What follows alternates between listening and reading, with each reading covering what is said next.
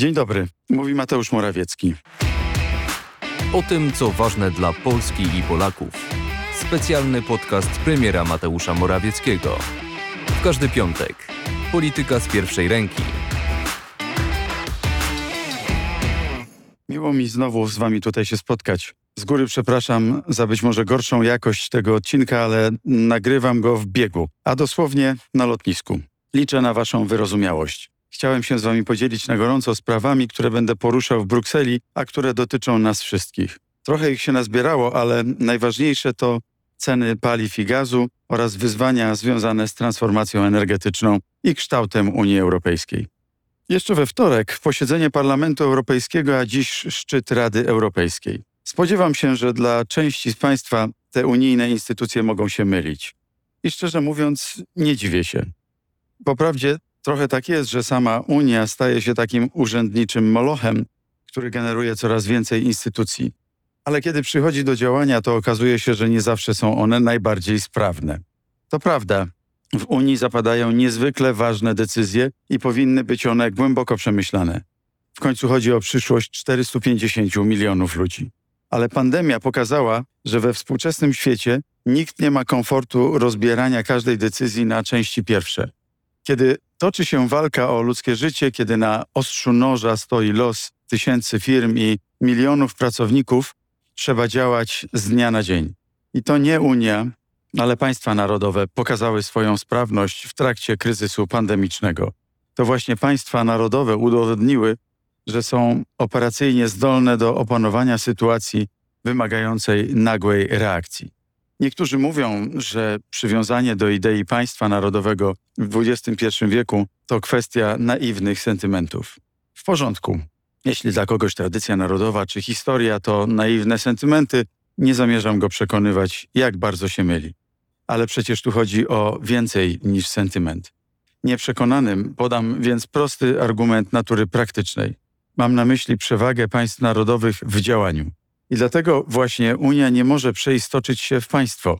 Musimy znaleźć złoty środek między kompetencjami, w których lepiej sprawdzają się państwa, a kompetencjami, w których wspólna siła Unii jest niezbędna. Niestety, dzisiejsza Unia Europejska ciąży w kierunku przemienienia się w takie beznarodowościowe superpaństwo. Przestrzegam. Gdyby tak się stało, to nie będzie to wcale super państwo, tylko super niesprawne państwo. A chyba najgorsze w tym wszystkim jest to, że ten proces przemiany Unii dzieje się poza demokratyczną kontrolą. To nie obywatele decydują o kierunku zmian.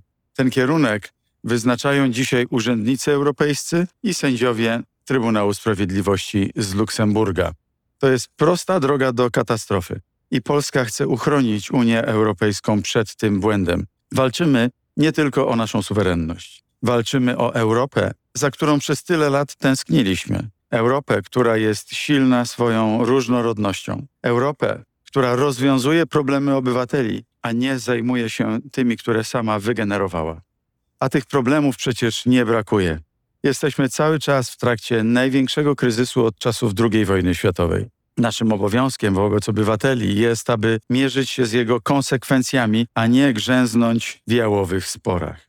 Rozumiem jednak, że te spory się nam wszystkim udzielają. W mediach, ale też w Państwa postach czytałem mnóstwo komentarzy do ostatniej debaty w Parlamencie Europejskim.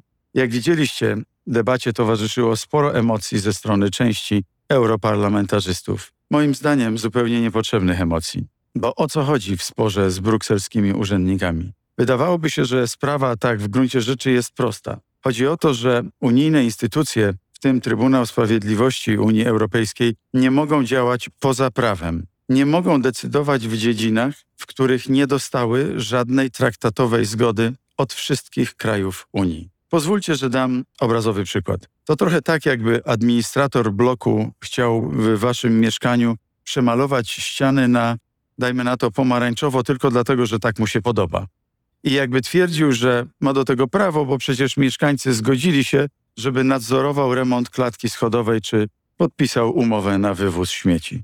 Administratorowi nic do tego, jak meblujecie wasze mieszkanie, dopóki działacie według generalnie przyjętych zasad i zgodnie z tą umową, którą podpisaliście z administratorem. Tak samo unijni biurokraci. unijne instytucje nie powinny ingerować w obszary, które nie są im wskazane w unijnych traktatach. To jest podcast premiera Mateusza Morawieckiego. Słuchaj dalej. Starałem się pokazać, że dziś w kwestiach traktatowych Polska jest rzeczniczką zdrowego rozsądku. Ale o ten sam zdrowy rozsądek wołamy w kontekście nadchodzącego kryzysu energetycznego. Ceny energii w całej Unii w ostatnich tygodniach idą w górę w ekspresowym tempie. Skutki odczuwa przemysł, ale też zwykli obywatele. To nie jest kwestia przejściowych wahań na rynkach, ale sprawa o charakterze strategicznym, która zadecyduje o przyszłości następnych pokoleń. I może podejmę ten temat trochę szerzej. Otóż w wydanej jeszcze przed pandemią książce o współczesnych wyzwaniach, jakie stoją przed gospodarką, Raj Patel i Jason Moore postawili tezę, że nadchodzi czas, w którym wyczerpują się zasoby tanich rzeczy.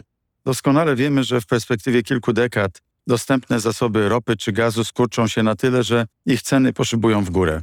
To wszystko stawia nas przed odwiecznym pytaniem ekonomii, jak gospodarować zasobami, które są ograniczone. Był swego czasu nawet dość popularny film Elysium. Nie wiem, czy go oglądaliście, ale to jedna z tych przerażających wizji przyszłości. Opowiada o zrujnowanej planecie, na której wszystkie zasoby zostały już zużyte. Ziemia jest w tym filmie pustynią, zasiedloną przez ludzi cierpiących prawdziwą nędzę. Do lepszej przyszłości bilety wykupili sobie tylko najbogatsi, którzy zamieszkują stacje na orbicie okołoziemskiej z dostępem do czystej wody i czystego powietrza. To tylko wizja filmowa, ale przecież mówi ona nam coś o współczesnym świecie.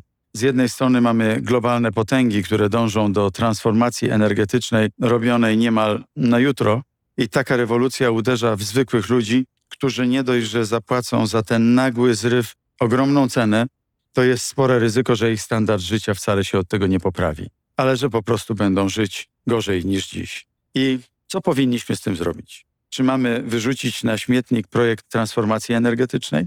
Absolutnie nie.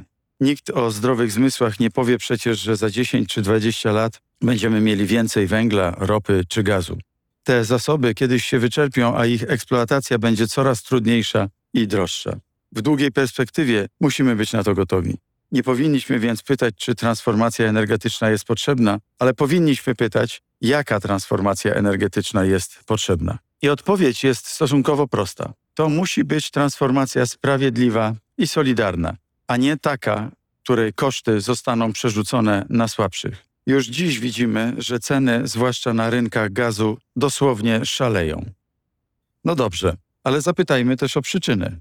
Zgoda na budowę Nord Stream 2, czyli tego gazociągu północnego pomiędzy Rosją a Niemcami, bierna postawa Unii w tej sprawie dają Gazpromowi i Rosji gigantyczne przewagi konkurencyjne. Myślicie, że to jest bez znaczenia? Jeśli ktoś myślał, że Władimir Putin nie wykorzysta tego narzędzia do energetycznego szantażu, przed czym zresztą przestrzegałem wielokrotnie, to dziś powinien wylać sobie na głowę kubeł zimnej wody. Nie chcę być złośliwy, ale przecież Polska głośno przed tym ostrzegała także na forum europejskim. Ostatnio nawet współprzewodniczący z Partii Zielonych mówi wprost: Rosja, ograniczając dostawy gazu, gra z nami wszystkimi w Unii Europejskiej w pokera. No cóż, szkoda, że to Niemcy sami wystawili Europę Środkową na wschodnie wpływy, uparcie dążąc do budowy rurociągu Nord Stream 2. Zupełnie jakby nie zdawali sobie sprawy, że Rosja wykorzystuje gaz jako narzędzie politycznego nacisku. Na naprawę błędów nigdy nie jest jednak za późno. Teraz piłka jest po stronie Unii. Musimy dostosować unijną politykę klimatyczną do możliwości wszystkich państw, a nie do oczekiwań tych najbogatszych. Dlatego zaproponuję na Radzie Europejskiej dwa rozwiązania, które mogą skutecznie wyhamować rosnące ceny prądu. Po pierwsze, Unia powinna wprowadzić maksymalne stawki za emisję CO2 na jakiś czas przynajmniej, bo to one oprócz podkręconych przez Rosję cen gazu w dużej mierze napędzają inflację na rynkach energetycznych. Dlaczego Polska postuluje ceny maksymalne?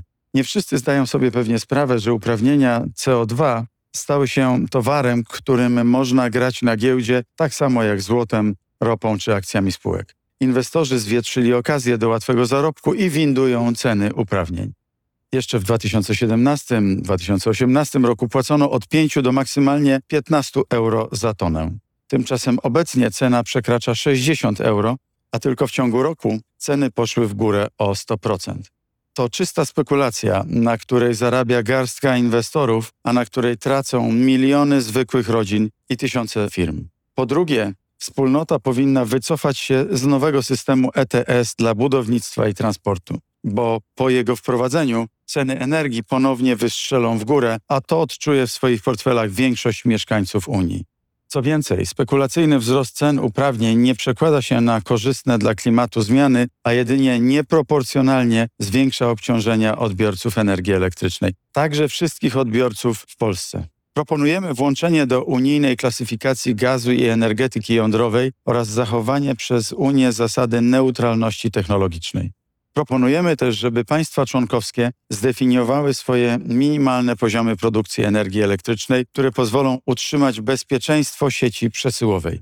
Wystarczy przypomnieć sobie to, co przed chwilą mówiłem o gazowym szantażu w wykonaniu Rosji. Może to wszystko brzmi trochę zawile, ale w gruncie rzeczy chodzi o to, żeby nie dopuścić do dwóch tendencji, które aż nazbyt dobrze znamy z historii.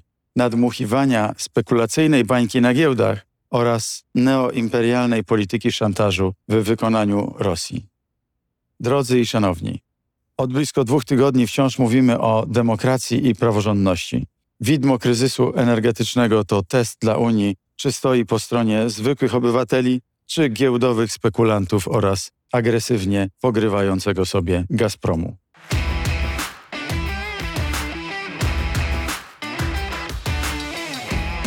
Na koniec powiem tylko, że w ostatnich dniach dotarła do mnie internetowa afera, że wciąż niektórzy twierdzą, że normą jest pracować po 16 godzin na dobę.